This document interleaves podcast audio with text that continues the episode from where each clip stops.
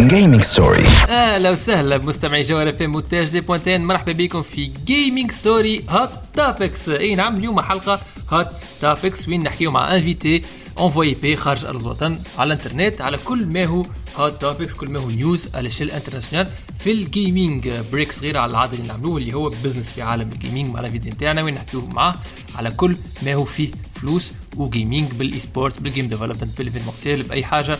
فيها فلوس وجيمنج اليوم باش نحكيو مع الانفيتي نتاعنا بول جيريمي لورو شهيرة دي جي جي إكس ريترو جيمر وكوليكسيونور كبير كبير معروف في العالم وفي فرنسا خاصه كوليكسيونر كبير نتاع نيو جيو بالاحرى ما تعرفوا بالكوليكسيون نيو جيو نتاعو دونك هو باش يحكي لنا على رايو بارابور للنيوز الجدد اللي نعرفهم في الجيمنج تو كيما سوني قاعدة تنفستي في برشا فلوس في فورتنايت قاعدة تحب تجيب في الديسكورد البلاتفورم نتاعها البلاي ستيشن نحكيو على نينتندو اللي اوت اوف نوير خرجت لنا جو فيه كي إحنا نوت سكريبت كي فيه لونجاج كي شبه البلو برينتس نتاع انريل وشبه شوية للبولت نتاع يونيتي جديد. دونك فما ريزدنت ايفل خرجت جديدة فما دي يحبوا يعرفوا شنو هما لي زابونمون الباهيين باش ينجم يلعب ماكسيموم دو جو افيك ميور بري اون توكا هذا كله باش نحكيوه من بعد شوية. خلي توا نسمع. نسمع محبوب كل شمس ولهو اي سبورتس Education. جيم ديفلوبمنت Business opportunities. جيمنج ستوري Gaming story مع محمد النبي. سبوت.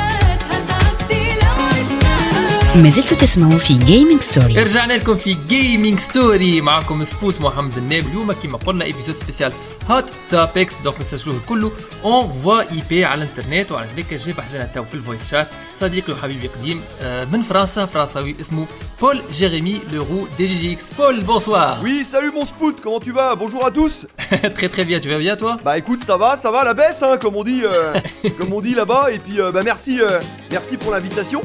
tout le plaisir est pour moi mon ami tout le plaisir est pour moi donc tu tu تحكي شويه عربي Ah, chouïa, chouïa. شوية شوية excellent. Ouais. Alors, donc euh, si, si, si pour mettre les auditeurs dans le bain, euh, tu te, te présentais euh, brièvement euh, DGJX. Ouais, bien sûr, donc euh, bon bah moi c'est euh, donc mon pseudo c'est euh, DGJX, voilà, j'ai une chaîne YouTube euh, du même nom, hein, DGJX, euh, principalement de jeux vidéo, parce que je suis un collectionneur et joueur de jeux vidéo depuis, euh, depuis plus de 30 ans maintenant. Et voilà, j'ai euh, une, grande, une grande collection et une grande expérience aussi dans le, dans le monde du jeu vidéo. Je suis plutôt spécialisé rétro gaming, mais évidemment je, je suis aussi le, bah, ce qui se passe en l'actualité moderne. Et euh, voilà, donc j'ai pas, pas toutes les consoles modernes, j'ai une Xbox One et puis euh, pour le moment ça me va, j'ai un PC aussi. Et, euh, et voilà. Mais bon, je suis évidemment ce qui, ce qui se passe sur les autres plateformes, hein, Switch, PlayStation, tout ça. Quoi. Donc Team Xbox principalement pour ce qui est récent. Ouais. Sinon Retro Gamer, Retro Gamer euh, ce qui est... C'est ça. Ok, alors tu, tu as une console euh, fétiche à toi, quoi, une console spéciale. Ah, mais mes consoles préférées Ouais. Ah, Mes consoles préférées, ça va être. euh, ouais, surtout du rétro gaming, hein, ça va être euh, la Mega Drive, la NES, la Neo Geo, hein, surtout quoi. D'accord. Donc en parlant des- de ce qui est nouveauté, parce que dans ces épisodes-là de Gaming Story, les Hot Topics, ce qu'on fait, c'est parler de tout ce qui est actualité internationale dans l'industrie des jeux vidéo. Donc euh, peut-être récemment, tu as remarqué que Sony essaie d'introduire à sa plateforme, à la, à la PlayStation bien sûr, Euh, Discord, donc euh, Sony qui investit un peu partout, euh, ici, là, qui a investi aussi dans Fortnite. Je sais que tu joues à Fortnite, on a joué un peu ensemble avant. Ouais. Qui a investi aussi dans Fortnite et qui a aussi donné le personnage Aloy de Horizon Zero Dawn Mm. dans Fortnite, qui investit un peu partout. Que penses-tu de ça? Tu seras un consommateur de Discord sur PlayStation. Quel est ton avis à propos de, de ce que fait Sony?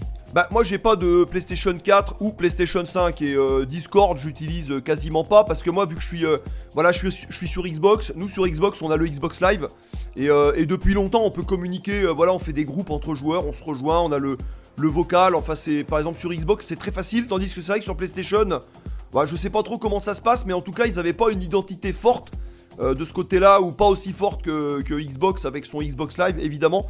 Donc Discord c'est surtout bah, c'est connu Discord, hein, c'est gros, il n'y a pas de souci.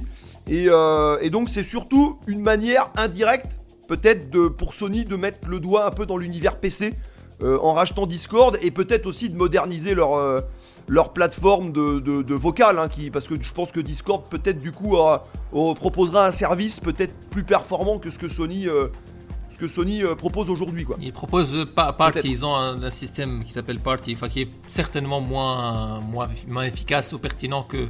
Bah je sais pas parce que je Ouais. l'utilise pas mais c'est vrai qu'on n'en parle jamais hein, parce que le, le on n'en parle jamais la, la manière donc euh, comment font les, les joueurs PlayStation pour communiquer entre eux tandis que sur Xbox voilà on a le Xbox Live on, on fait des groupes c'est c'est quelque chose de quelque chose de connu quelque chose de commun et également Sony doit riposter hein, doit riposter face au rouleau compresseur euh, euh, Microsoft qui est en face bon même si Microsoft ils ont été euh, ils ont perdu la la guerre entre guillemets hein, génération Xbox One PS4 euh, Sony démarre Ah, cette génération De loin. voilà, donc Xbox Series X et PS5 euh, de Sony démarrent cette génération de manière sereine et confortable, on va dire, mais ça risque de pas durer parce que maintenant ça va surtout être une guerre de services.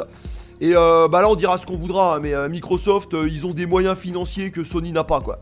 Voilà. Et donc Sony ils vont être obligés, par A ou par B, bah, de riposter et, d'essayer après de, de suivre. Voilà, pour le moment ils sont encore en lead, évidemment, mais ça risque de pas durer. Donc disons si Sony se met d'accord et rachète Discord, ça peut leur donner un, un- un atout assez conséquent dans, dans cette guerre. C'est toujours mieux que ne, ne rien avoir du tout, comme Nintendo il propose de- d'utiliser ton smartphone. Bien sûr. utilise ton smartphone, il n'y a pas de service, utilise ton smartphone pour communiquer. Ouais, ah bah Nintendo y a rien. Il n'y a rien, ouais, Ouais. utilises ton smartphone, ce qui en, en général c'est ce que tu fais, euh, de toute façon, hein, tu, tu vas musical, on va, on va parler surtout, surtout du nouveau Resident Evil, certainement. Tu as entendu parler, tu as joué à ce dernier opus euh, de cette saga, on va maintenant écouter ensemble Shahid Part-Time Side.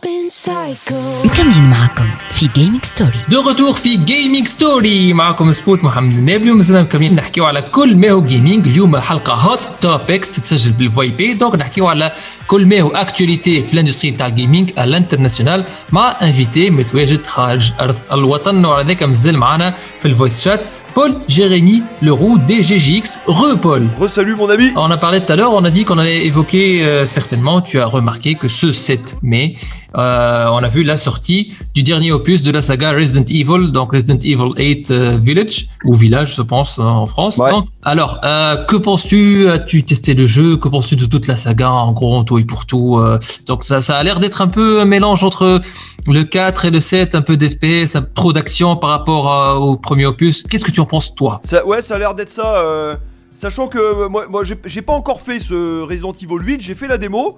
Voilà la démo qui était, euh, ma foi, somme toute bien sympathique. A priori, ça change de lieu, ça change d'ambiance, ça amènerait une. euh, comment dire Parce que voilà, Resident Evil, c'est plutôt des zombies. Bon, là, a priori, ça introduirait plutôt des, vampires, de ce que j'aurais, de ce que j'ai compris. Donc, euh, moi, mon épisode préféré, c'était. euh, alors, moi, sachant que j'ai acheté le 1 à l'époque Day One sur PlayStation, on était en 96. C'était une, c'était une révolution mais enfin une révolution.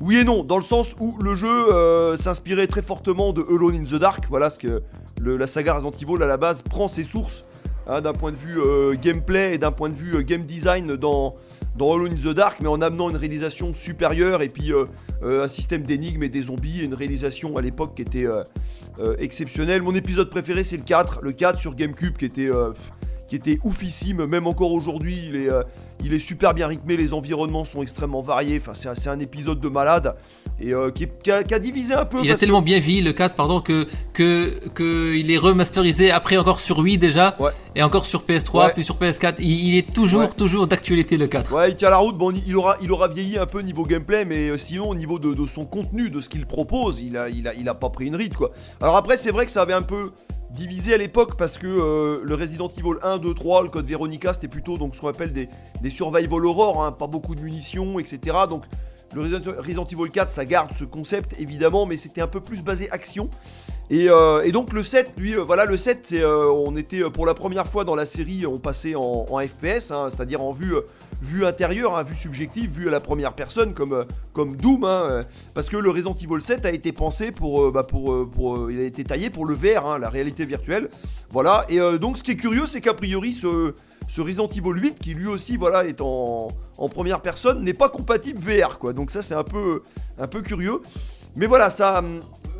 on, garde le même personnage qui a été introduit dans le Resident, Resident Evil 7, hein, qui était un nouveau, euh, euh, je sais plus, Alan White ou je sais plus, je me souviens plus de son nom. Enfin, C'est voilà un nouveau ni Leon la- Kennedy, dans- ni Chris Redfield, ouais, c'est ni Jill oui, voilà, on voit Chris Redfield, mais euh, enfin, on pouvait jouer avec lui dans le 7, mais dans un DLC, mais pas comme personnage principal.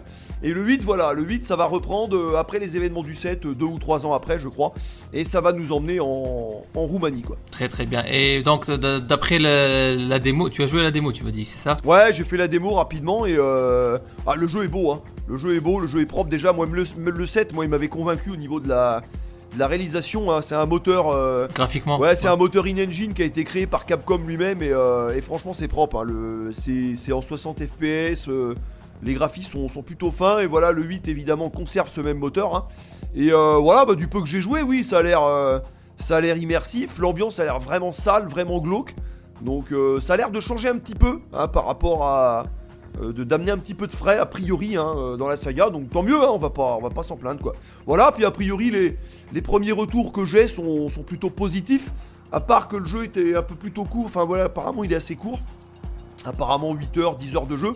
Moi ça me gêne pas. Je préfère un, je préfère un jeu qui est, euh, qui est, qui est- qui est Bien fait et entre court.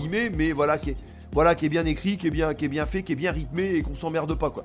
Il vaut, il vaut mieux un bon jeu qui dure 10 heures ou bien rythmé que tu vas pas t'emmerder qu'un jeu qui va durer 30 heures où on va se faire chier quoi. Tu as joué au Last of Us 2, qui était, il était plus long que ce qu'il était supposé être. T'as la pression vers la fin, tu joues et c'est survival horror, mais vers la fin tu dis allez comment, allez, allez vas-y, euh, fini. Ouais. Je sais pas si, si tu as joué. Non, j'ai pas fait. euh, j'ai- j'ai- J'avais fait le premier sur PS3, mais j'ai pas fait le 2 encore. Ah le premier il était très très bien par contre. Le premier il était bien dosé, il était pas, il, il était pas plus long que ce qu'il devait être. Très très bien. بعد شوية في جيمنج ستوري احنا مازلنا باش نكملوا مع بول مازلنا باش نحكيو معاه في موضوع ينجم يهتموا به اللي يحبوا يتعلموا الديفلوبمون دو جو فيديو كسوا هو ولا حتى كان عنده اخوه صغير اخته صغيره يحب يتعلم تطوير العاب الفيديو نينتندو تقترح لعبه جديده اللي باش نحكيو فيها مع ضيفنا بول يوب هذا كل شوية خير اقعدوا بحذانا ما تمشوش. اي سبورتس ايدوكيشن جيم ديفلوبمنت بزنس اوبورتونيتيز جيمنج ستوري جيمنج ستوري مع محمد النبي. سبوت Esports. Esports. Education. Education. Game development. development. Business opportunities. Gaming story. Gaming story ma Mohamed Nebi. Sport.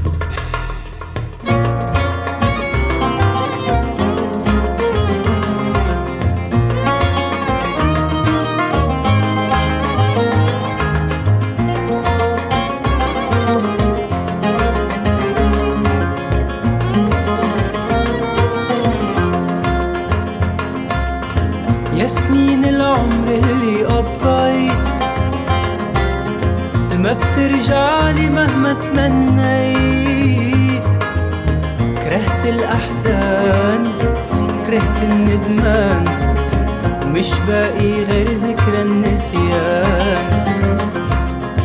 مسكين اللي شمسه بتغيب يلي بيخاف هبوب الريح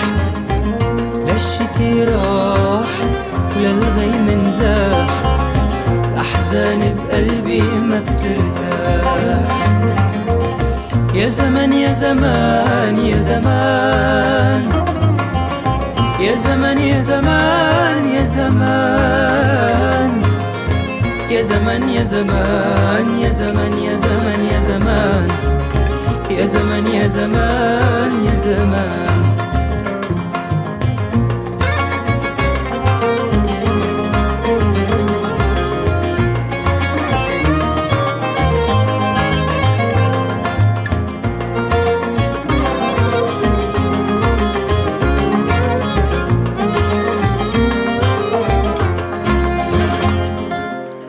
طارت الساعات طارت الأيام. نشفوا دمعاتي زعلوا الخبريات. نعست أحلامي سكتوا الغنيات. بلكي بترجع هاك الأيام. يا زمان يا زمان يا زمان. يا زمان يا زمان يا زمان يا زمان. يا زمن يا زمان يا زمن يا زمن يا زمان يا زمن يا زمان يا زمان يا زمن يا زمان يا زمان يا زمن يا زمان يا زمان يا زمن يا زمان يا زمن يا زمن يا زمان يا زمن يا زمان يا زمان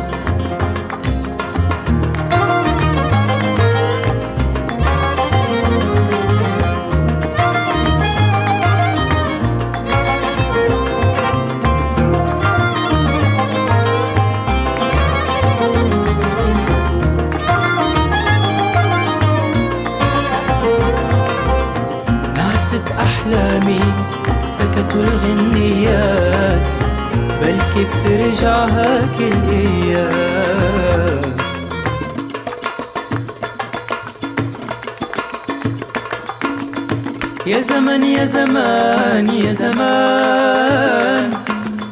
يا زمان يا زمان يا زمان. يا زمان يا زمان يا زمان يا زمان يا زمان. يا زمان يا زمان يا زمان. مكملين معكم. في جيمنج ستوري اي نعم أنتم تسمعوا في جيمنج ستوري مع صديقكم سبوت محمد النابلي وصديقكم سبوت محمد النابلي سجل في اليوم ايبيزود سبيسيال اون ليني هوت توبكس مع صاحبه فرنساوي في فرنسا بول جيريمي Leroux. Donc Paul tout à l'heure on parlait de Resident Evil 8 qui a été Ouais. sorti euh, 7 mai mais là le 6 mai juste avant out of nowhere comme ça out of the blue Nintendo nous annonce un nouveau jeu, une nouvelle IP qui s'appelle Game Builder Garage qui consiste à développer tes propres jeux.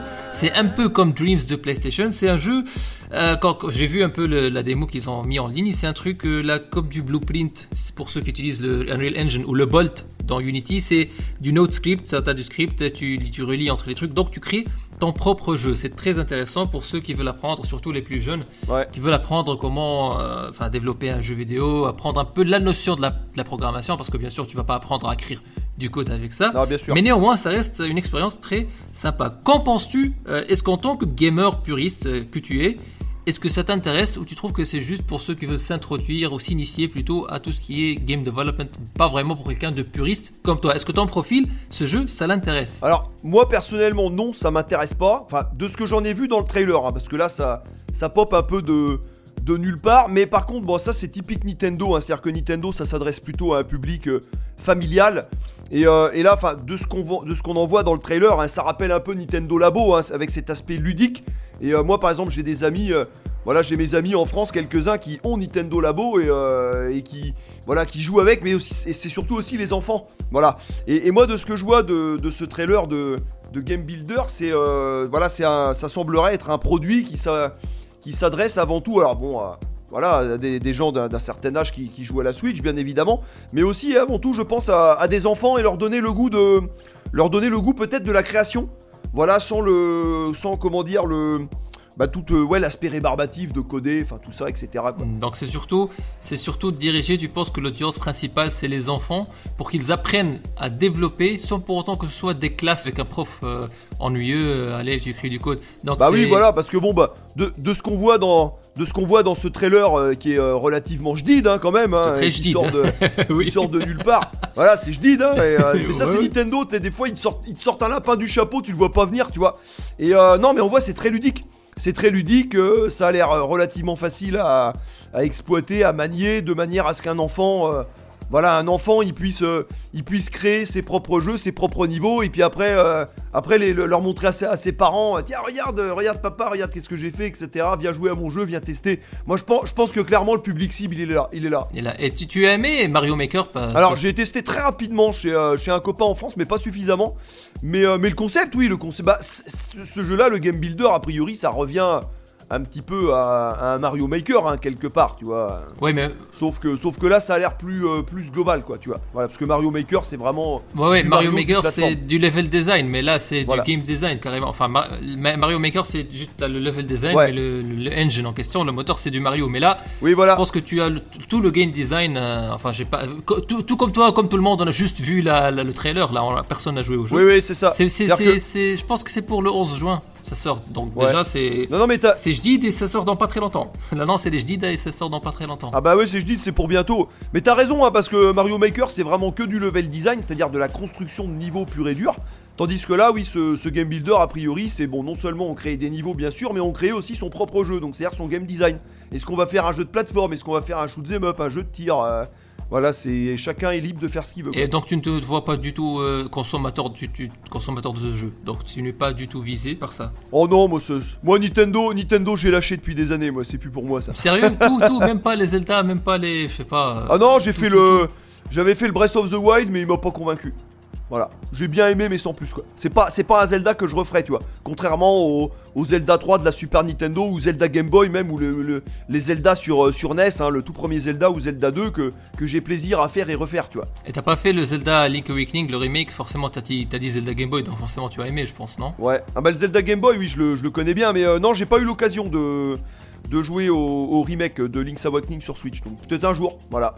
Mais ouais, de ce que j'en vois, franchement, hein, de ce que j'en ai vu là, de, de ce que j'en ai vu, ouais, j'ai, honnêtement, ça me donne pas envie. Je préfère rester sur Game Boy, toi.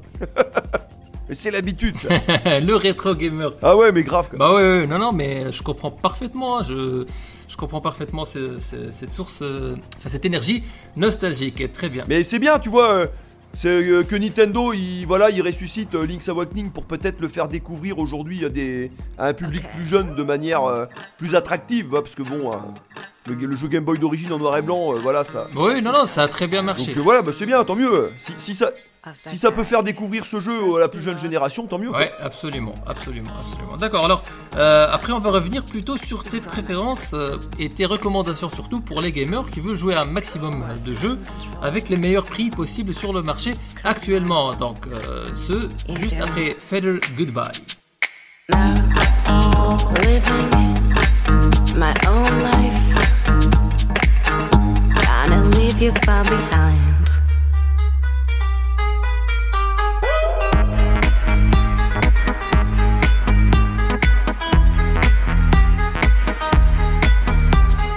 ما زلتوا تسمعوا في جيمنج ستوري We're back في جيمنج ستوري معكم سبوت محمد النابلي واليوم حلقة هات توبكس تتسجل اون ليني وعلى ذاك مازال معنا في الفويس شات اون ديريكت من فرنسا حبيبنا بول جيريمي لورو دي جي جي اكس بونسوار بول Resalut mon spout, euh, comment ça va à la baisse الحمد لله الحمد لله Abdullah. الحمد لله Le gamer euh, que tu es, donc quelle serait ta recommandation pour le joueur qui voudrait jouer à un maximum de jeux AAA ou même, euh, même indépendant, c'est pas aussi important, euh, avec le meilleur, la meilleure subscription, le meilleur euh, abonnement en ligne avec le meilleur prix? Donc quelles seront tes recommandations? Bah, c'est vrai qu'aujourd'hui, on, voit que la consommation du jeu vidéo est en train d'évoluer. Voilà, on achetait euh, une console, on achetait des jeux de manière dématérialisée sur un store ou bien des jeux en physique en version CD. Et maintenant arrive, voilà, avec tout ce qui est Netflix, hein, tout ça, le, streaming de films, de séries, et ben maintenant le jeu vidéo il vient. Et euh, on a des offres hein, comme le, le Xbox Game Pass par exemple ou le Google Stadia qui est, qui est en train de flopper. hein. C'est un truc de malade quoi. Et qui en plus voilà nécessite un, Ok, déjà Ah. floppé. Ouais, ouais. Ouais, bah, le Stadia, c'est mort hein, quasiment, mais en plus, il faut un internet de ouf. Mais la meilleure offre aujourd'hui, euh, mais il y a, y a même pas photo. Mais il y a même pas photo, c'est il y a no match, hein, c'est ça va être le Game Pass. C'est là Microsoft, euh, c'est ça ça, ça ça ça ça risque de faire ça risque de faire mal à Sony. Ça c'est ce genre de service, le Game Pass, ça va être l'avenir, qu'on le veuille ou non, Mhm. de toute façon. Donc aujourd'hui, Donc Game Pass, déjà, juste pour clarifier, Game Pass, c'est pas un concurrent à Stadia, c'est pas du cloud gaming. Parce que Stadia, c'est du cloud gaming. T'as que l'image du jeu qui est streamée à ton device. Ouais, c'est du cloud gaming avec un, avec un catalogue de jeux qui est quand même proposé, quoi. Tandis que le Xbox Game Pass, c'est un catalogue de jeux qui est proposé, mais également, enfin, quand tu prends le, la version Ultimate, euh, que tu peux jouer avec sur console, sur PC, et tu peux jouer en cloud gaming avec. Mhm. Donc, euh, sur ton smartphone, sur ta tablette, sur Ah, ton- c'est tu as le choix, soit tu télécharges le jeu, soit, soit c'est une des, cho- une des deux. Soit Ouais. tu télécharges, soit tu joues en cloud. C'est-à-dire que quand, quand t'as t'as l'abonnement, alors tu peux prendre soit l'abonnement Xbox Game Pass, voilà. Donc dans ces cas-là, t'as le catalogue de jeux Ouais. euh, sur, sur ta console Xbox. Mais par exemple, les jeux qui se jouent en ligne, tu peux pas jouer avec. Il te faut, il te faut avec le Xbox Live Gold, voilà, pour compléter. D'accord. Mais Microsoft, ils ont ce qu'ils appellent le Xbox Game, euh, Game Pass. Xbox Game Pass, je vais y arriver, Ultimate, qui regroupe tout en un seul package en fait. C'est-à-dire pour 2-3 euros de plus, t'as l'Ultimate. Donc qui te permet, moi par exemple, je l'ai, je suis consommateur du, du Xbox Game Pass. Et il y a des jeux multijoueurs qui sont dans le, le Game Pass, voilà, qu'on joue. Euh, J'ai l'habitude de jouer le soir avec, euh, avec mes amis, par exemple Rocket League ou, ou, ou Dead by Daylight. Voilà, Dead by Daylight, il faut un abonnement pour pouvoir jouer en live, mais avec un abonnement Ultimate, t'as pas de problème. Mais ils sont, ils gratuits ceux-là, non Ces jeux-là. Hein je, les ai, je les ai sur Switch, ils sont gratuits ces jeux-là. Déjà, Rocket League, Alors, il est gratuit sur Switch et tu joues gratuitement sur Switch. Dead by Daylight, peut-être que ça requiert euh, un achat. ouais. Voilà, euh, Dead by Daylight, euh, donc le jeu il est payant, donc tandis que là il est, il est incorporé dans l'abonnement et en plus il faut un abonnement pour pouvoir jouer avec en ligne quoi. Mhm. Tandis que voilà avec le l'abonnement du Game Pass Ultimate, et ben on a la totale et, et en ayant le Game Pass Ultimate, donc t'as accès à cette librairie de jeux. euh, donc sur ta console Xbox, une Xbox One ou une dernière Xbox, une série X ou S, sur ton PC et, même avec le cloud, voilà, avec, euh, euh, par exemple tu vois, t'as as ton abonnement, tu pars en vacances, euh, là où tu vas, t'as une bonne connexion internet, t'as ton téléphone, ta tablette, et bah tu peux continuer à jouer, t'as pas de problème, tu joues en Oui, cloud. peut-être en France, mais pas ici. hein. ici, la connexion, c'est peut-être pas la même, euh, la même chose. hein. Ah bah oui, non non mais là oui ça, ouais ça nécessite des, des- des trucs internet assez balèzes. hein. En Tunisie oui c'est c'est peut-être un peu compliqué là. Ouais, surtout le cloud gaming. Bon, après, si tu télécharges le truc, enfin, bien sûr, si tu télécharges le jeu, il faudrait que ce soit sur Ouais. du hardware, style la console, la Xbox en question, ou un ordinateur assez balèze, mais pas, mais certainement Ouais, bien pas sûr. sur ton téléphone, tu pourras pas télécharger le jeu. Euh, oui, donc, euh, donc non non c'est compliqué. Mhm. Non mais un téléchargement il y a pas de souci quoi. Ouais, donc en gros, ce que tu recommandes, c'est l'Xbox. Et ça coûte combien par, euh, par mois le Xbox, euh, le Ultimate? Alors alors euh, je crois le Game Pass tout seul c'est on va arrondir, hein. on va dire c'est à 10 euros et l'Ultimate c'est à 13 euros je crois. Mensuel. C'est- imbattable. C'est imbattable sachant que dedans t'as un catalogue je crois il y a, y, a, y a plus de 200 jeux. Il y a, y a, y a t'as des double A, t'as des triple A, t'as des jeux indés, t'as des jeux online, il y a tout là-dedans. C'est-à-dire que t'as- limite Il t'as y a même eu Octopath Traveler récemment. Ouais, ils ont ajouté Octopath Traveler, voilà par exemple, et, euh, et tout- toutes les exclusivités Microsoft euh, bah, qui, vont, qui, qui sortent et qui vont sortir euh, arrivent Day One dans le Game Pass. Donc ce qui fait que si t'es client sur Xbox, si t'es joueur Xbox, t'as l'abonnement Game Pass, bah, t'as même pas besoin d'acheter tes jeux quoi. Et ce qui est bien, c'est que ce type de ce type d'offre, et bah, ça te permet ça te permet de découvrir des jeux euh, auxquels t'aurais pas été, voilà, t'aurais pas joué nécessairement. Voilà. Par exemple, moi récemment, tu vois, j'ai j'ai téléchargé un jeu qui s'appelle Supraland, complètement par hasard parce qu'il est dans le Game Pass. Et euh, mais j'ai pris une claque, j'ai pris une claque. Le jeu, c'est une bombe. C'est un des, c'est un des meilleurs jeux que j'ai joué sur cette génération. Supraland, il est exceptionnel. Je vais voir ce jeu juste après le- Bah, l'interview. ça, ça te plairait parce qu'on dirait un jeu Switch et ça ressemble très fortement à Zelda, quoi. D'accord, très bien, très bien, ça m'intéresse encore plus. Ok, ok, on va continuer avec toi, euh, Paul, Ouais. juste après, juste après avoir écouté Elisa Yam Salam. يا عم سلامتك ولا بتعرف يعني غلاوتك ده انت غلاوتك قد الدنيا وكل حلاوة الدنيا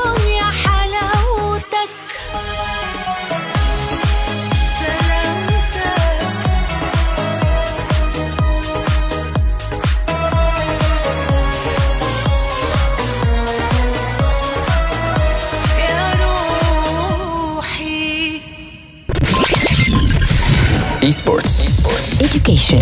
Game development. Business opportunities. Gaming story.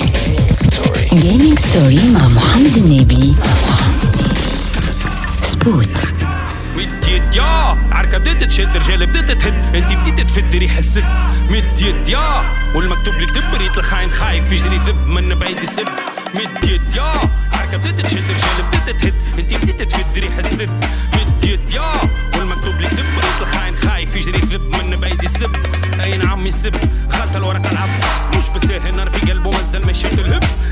يسب لخرف اللي يقراو الكتب لخرف اللي يحكمونا بالظالم والظالم قلب فما الواتي يسحبوا عاتي شوفي سرقيلي في الحومة زيدي يدور لي خواتي. فما الواتي عتب ونواسي. انت تشربها هو يسلها انت تباسي. يد يا عركة بديت تشد رجال بديت تهد انت بديت تفد ريح السد. مد يد يا والمكتوب لك تب ريت الخاين خايف يجري ذب من بعيد يسب.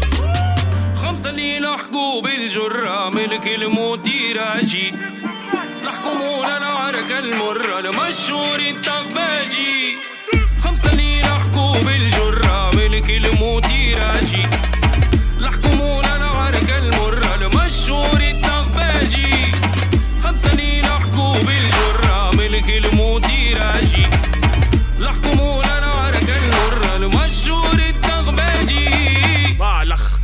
حط الكاسك وتلتخ. جيب الرخ جيب معاهم الشغمغ والشخمخ. وخ وخ تجي تجرب تطيح في الفخ.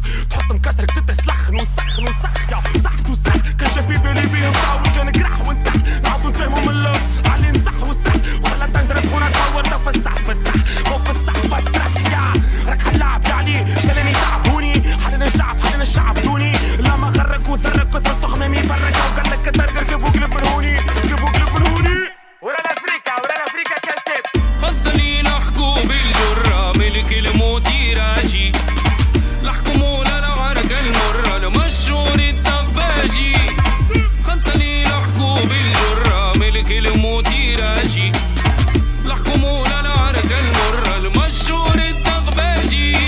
ما زلتوا تسمعوا في جيمنج ستوري. رجعنا لكم في جيمنج ستوري تو في اخر فقره من حلقتنا اليوم مع الانفيتي نتاعنا بول جيريمي لورو شهيرة دي جي جي اكس euh, من فرنسا donc Paul avant qu'on qu'on parte donc aurais-tu un mot de la fin des remerciements des dédicaces des coups de gueule si tu veux tout ce que tu veux dire tu as ces 3, mi- trois minutes à toi Merci à toi, mon Spout, hein, pour m'avoir euh, invité euh, dans ton émission. Et puis, euh, bah, j'espère que voilà toute cette pandémie de de Covid là, ça va vite partir de manière à ce que je puisse euh, bah, revenir, euh, voilà, revenir te voir euh, rapidement. Et puis, oh avec plaisir ce serait énorme oh ouais ça fait longtemps qu'on s'est pas vu ouais que voilà, bah, ça fait ça fait longtemps qu'on s'est pas vu. Parce que la dernière fois qu'on s'est vu, c'était c'était très rapidement, juste avant que je prenne l'avion. Donc donc voilà, bah, qu'on prenne un peu plus de temps et puis que et puis que voilà, on joue, on discute et puis qu'on retourne des vidéos ensemble. Ça serait ça serait cool, voilà, pour oui pour, pour ma chaîne, hein, on présente des jeux, voilà, donc je rappelle, j'ai ma chaîne YouTube, hein, euh, donc plutôt axé rétro gaming. Je présente aussi des, des jeux modernes, mais plutôt des jeux indépendants, voilà, des jeux qui sont pas forcément mis en avant. Donc euh, voilà, donc pour ceux que ça intéresse, hein, euh, Bah, c'est mieux, hein, c'est ce que ce que j'aimerais trouver moi sur YouTube. Les jeux qui sont déjà mis en avant, c'est quoi l'intérêt de, de les retrouver encore? Donc c'est bien que tu me fasses découvrir. ouais, j'ai euh, beaucoup de, de coups de cœur, hein, bah tu vois, comme ce Supraland là que j'ai mentionné plus tôt. euh, du coup, voilà, c'est des jeux que j'estime bah, qui sont intéressants à présenter en vidéo, à montrer en vidéo. Et puis euh, donc voilà, bah, j'en fais des gameplays, j'en fais des tests. Euh, Sur ma chaîne, je fais des tests, je fais des comparatifs aussi de de jeux de vieilles versions, voilà, parce qu'il y a des, des jeux qui sont sortis euh, sur Mega Drive, sur Super Nintendo en même temps, mais voilà, les hardware étant très différents, bah voilà, il y a des versions les, qui les sont deux versions qui euh, meilleures que d'autres. Donc euh, voilà, je, fais- voilà, je fais ce, ce genre de choses et puis euh, bah voilà, bah donc euh, avis à toi, hein, amateur de jeux vidéo, que ce soit gaming moderne ou bien rétro gaming, hein, bah, sois, sois le bienvenu sur ma chaîne DGJX et puis bah sinon voilà, rien d'autre, rien d'autre de spécial. Je fais des euh, des gros bisous à ma à ma Nina, voilà, qui écoutera très certainement cette euh, cette émission. Euh, gros bisous et puis je pense à toi, voilà. Et puis, bah sinon, rien de plus, mon spout. hein. J'espère te revoir bientôt. Ah oui, moi aussi, moi aussi. hein, J'espère qu'on va se retrouver comme dans le bon vieux temps avant la pandémie à jouer à des jeux. Je me souviens avoir fait Bloodstained sur ta PS Vita. Donc je pense que tu aimes bien la PS Vita. Elle était, Enfin, il a accueilli tellement de jeux euh, indépendants. Je pense que tu as joué à Gravity Rush, Oui, oui, oui, sur PS Vita, ouais, je l'ai terminé, ouais, il est, il est bien, ouais. le premier. Ouais, il est sympa. Ah, il est bien, moi aussi, euh, moi aussi j'ai beaucoup aimé. Donc, euh, si- on va se quitter sur une très bonne musique de Gravity Rush, juste pour toi. Donc, euh, Gravity Rush, certainement tu reconnais, tu reconnaîtras le thème de Pleasure Quarter. Merci beaucoup, Paul, et à très bientôt.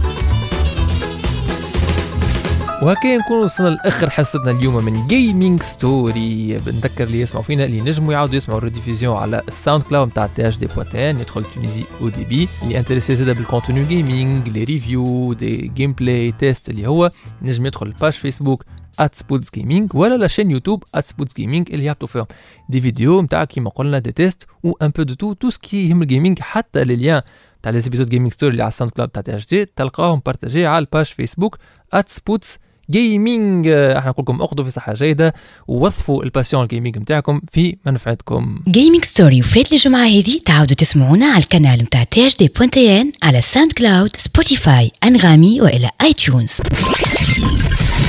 Esports. education. Game development. business opportunities. Gaming story. جيمنج ستوري مع محمد النبي. سبوت